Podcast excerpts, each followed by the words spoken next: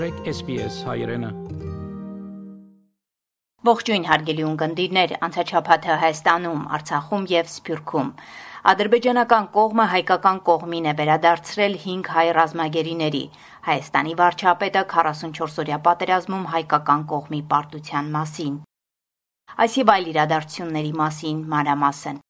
Ադրբեջանի զինուժը սեպտեմբերի 13-ին ժամը 00:05 րոպեից Գորիսի Սոտքի եւ Ջերմուկի ուղությամբ հրետանային միջոցներից խոշոր տրամաչափի հրաձգային զինատեսակներից ինտենսիվ կրակ է բացել հայկական դիրքերի ուղությամբ, հայտնում է Հայաստանի պաշտպանության նախարարությունը։ Ադրբեջանը կիրառում է նաեւ անօթաչու թռչող սարքեր։ Պաշտպանության նախարարությունը հաղորդում է Հայաստանի զինված ուժերը համարժեք պատասխան են տալիս ադրբեջանական կողմի լայնածավալ սադրանքին։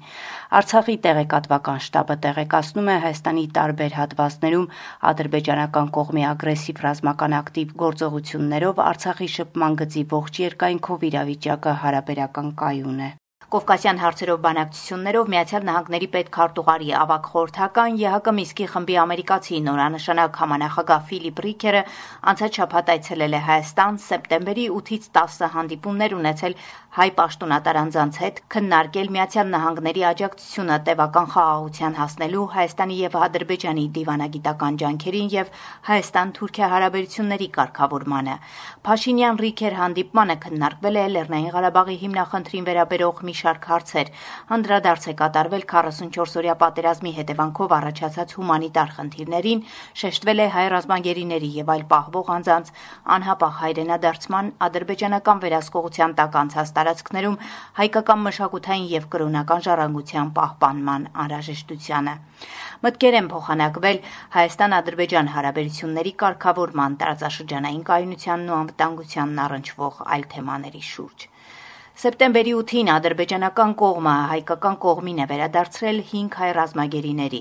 Ադրբեջանը 5 հայ ռազմագերիներին Հայաստանին է փոխանցել առանց միջնորդների այս մասին Twitter-ի իր էջում գրել է Հարավային Կովկասի եւ Վրաստանի ճգնաժամի հարցերով Եվրամիության հատուկ ներկայացուցիչ Տոյվո Կլարը։ Վարչապետ Նիկոլ Փաշինյանը անցած շաբաթ Ռուսաստանում Վլադիվոստոկի հայ համայնքի հետ հանդիպմանը խոստովանել է, որ Հայաստանն ու Ադրբեջանը Բրյուսելում չեն կարողացել պայմանավորվածություններ ձեռք բերել կարևորագույն հարցերի շուրջ։ Պիտի ասեմ, որ այդ հանդիպման ընթացքում ամենակարևոր կամ մեզ հուսող ամենակարևոր հարցերի վերաբերյալ մեզ չի հաջողվել ընդհանուր դիրքորոշումներ արձանագրել, խոսքը մասնավորապես Լեռնային Ղարաբաղի հիմնախնդրի վերաբերյալ է, բայց մյուս կողմից էլ մենք երկուստեք եւ Ադրբեջանը եւ Հայաստանը արձանագրում են խաղաղության հասնելու եւ խաղաղություն արձանագրելու իրենց ցանկությունը Հայաստանի վարչապետ Նիկոլ Փաշինյանն ու Ռուսաստանի նախագահ Վլադիմիր Պուտինը քննարկել են երկկողմ հարաբերությունները, տարածաշրջանային զարգացումները Վլադիվոստոկում անցած շաբաթ անցկացված արևելյան տնտեսական համաժողովի շրջանակներում։ Փաշինյանը ընդգծել է ռուսաստանյան խաղաղապահների առաքելությունը Լեռնային Ղարաբաղում նշելով. «Մեջբերեմ, մենք շատ բարձր ենք գնահատում Ռուսաստանի խաղաղապահների գործունեությունը Լեռնային Ղարաբաղում, Լաչինի միջանցքում եւ ես կարծում եմ, որ դա շատ կարեւոր է ընդգծել։ Ընդհանրապես Լեռնային Ղարաբաղում անվտանգության ապահով ապահովման իմաստով կան նրբություններ, որոնք մենք մշտապես քննարկում ենք եւ կարծում եմ այսօր էլ շատ տեղին կլինի այդ հարցերը քննարկել մեջբերման ավարտ։ Իդեպ մոտ 1 ամիս առաջ օգոստոսի 4-ին Ղարաբաղում ռազմական գործողությունների հաջորդ օրը Փաշինյանը քննադատել էր Ղարաբաղում տեղակայված ռուս խաղաղապահներին։ 2020 թվականի դեկտեմբերի 11-ին Ադրբեջանի կողմից Խծաբերդ եւ Հին Թաղեր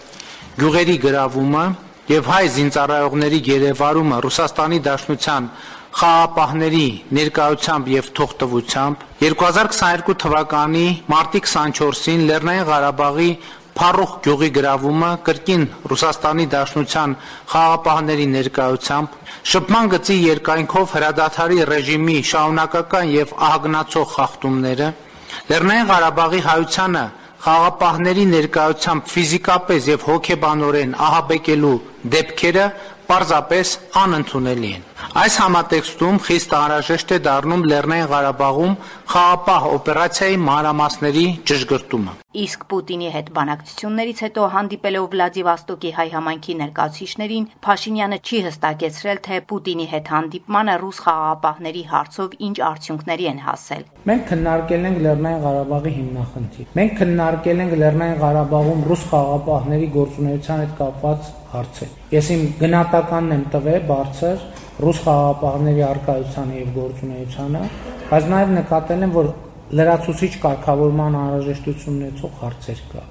Փաշինյանը խոսել է 44-օրյա պատերազմում հայկական կողմի պարտության մասին, նշելով, որ պատերազմը կարող էր այլ ելք ունենալ։ Այո, կարող էր այլ ելք լինել։ Եվ ես չափազանց կարևոր եմ համարում, որպեսզի մենք ի վերջո բոլորով գտնենք այդ պատասխանը։ Ինչու այդպես չեղավ։ Ինչու այլ ելք չեղավ նույնիսկ եղածող հնարավորությունների պայմաններում Խորհրդանի ինդիմադիր Հայաստան ու պատիվ ունեմ խմբակցությունները շարունակելու են քաղաքական բոյկոտը աշնանային նստաշրջանից առաջ հայտարարել է Հայաստան խմբակցությունը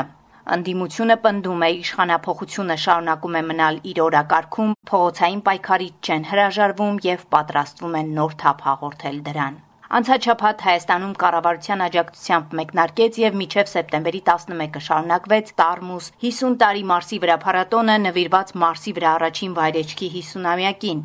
Ստարմուս փառատոնի շրջանակում Հայաստան են այցելել աշխարհահռչակ տիեզերագնացներ, Նոբելյան մրցանակակիրներ, միջազգային ճանաչում ունեցող արտիստներ ու գիտնականներ։ Գիտության ու արվեստի միջազգային փառատոնի շրջանակներում տեղի է ունեցել նաև ուրիշ աշխարհ խորագրով համերգը լեգենդար Queen խմբի գիտարահար Բրայան Մեյի եւ մի խումբ անվանի երաժիշտների մասնակցությամբ։ Համերգի ամենասպասված իրադարձություններից մեկը Տավուշի թեմի մանկապատանեկան երգչախմբի ելույթն էր։ Խումբը կատարել է Queen-ի երգացանկի մի քանի հայտնի ստեղծագործություններ, շարքը եզրափակելով We Are the Champions երգով եւ արժանանալով հանդիսատեսի հոտնկայ սափահարություններին։ And you know, these performances are not about perfection, they're about the passion and the communications. Այս ելույթը կատարողական բարձր արվեստի մասին չէ, այլ զգացմունքի զգայական դաշտի մասին է ավելի շատ որ կպատահի Արցախ Արտակին գործերի նախարար Դավիթ Բաբայանի խոսքով Արցախի ճանաչումը բարդ, բայց միանգամայն հնարավոր է։ Այդ հնարավորությունը կա։ Եվ մեր ինքնորոշումը, իմե ճանաչումը, այո, բարդ գործընթաց է բայց միանգամայն հնարավոր։ Հետևաբար շատ բան է, եթե ոչ ամբողջովին կախված է մեզանից, մեր աշխատանքից, մեր համախմբվածությունից, մեր հարենասիրությունից եւ պրոֆեսիոնալ Սփյուռք. Արամ առաջին կաթողիկոսը եկեղեցիների համաշխարային խորհրդի նախագահ. Գերմանիայի Կարլսրուե քաղաքում գումարված եկեղեցիների համաշխարային խորհրդի 11-րդ համաժողովը Մեծի տանը Կիլիկիո Արամ առաջին կաթողիկոսին ընտրել է խորհրդի նախագահ ներկայացնելով արևելյան ուղափառ եկեղեցիները հայտնում է Մեծի տանը Կիլիկիո կաթողիկոսությունը Հոկտեմբերի 28-ից 31-ը Երևանում կանցկացվի համաշխարհային հայկական գագաթնաժողով, այն որպես նոր ձևաչափ եւ դինամիկ հարթակ կծառայի Սփյուռքի ներկայացուցիչների եւ տեղացի գործընկերների համար քննարկելու համընդհանուր նշանակության մարտահրավերներն ու խնդիրները, ասվում է Սփյուռքի գործերի գլխավոր հանձնակատարի Գրասենյակի տարածած հաղորդագրությունում։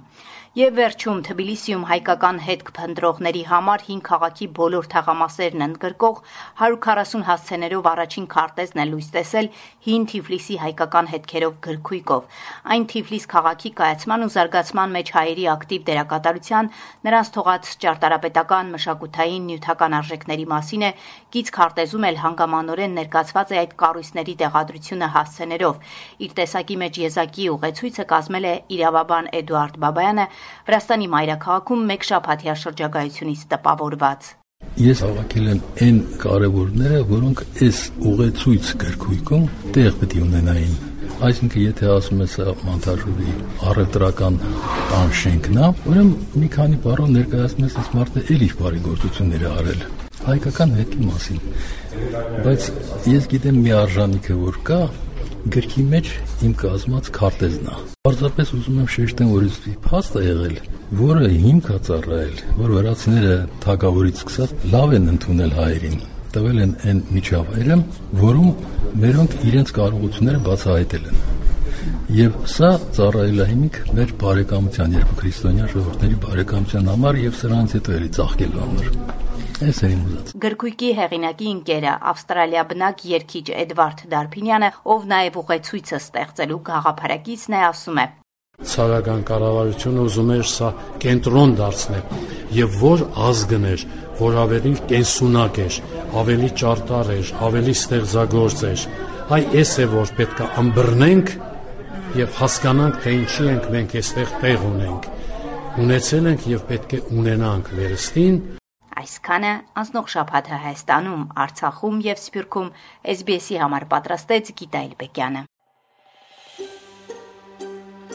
Կուզես լսել նման բանություններ, կընտրե Apple Podcast-ի, Google Podcast-ի, Spotify-ի վրա, կամ որտեղեն որ podcast-ը դուք լսես։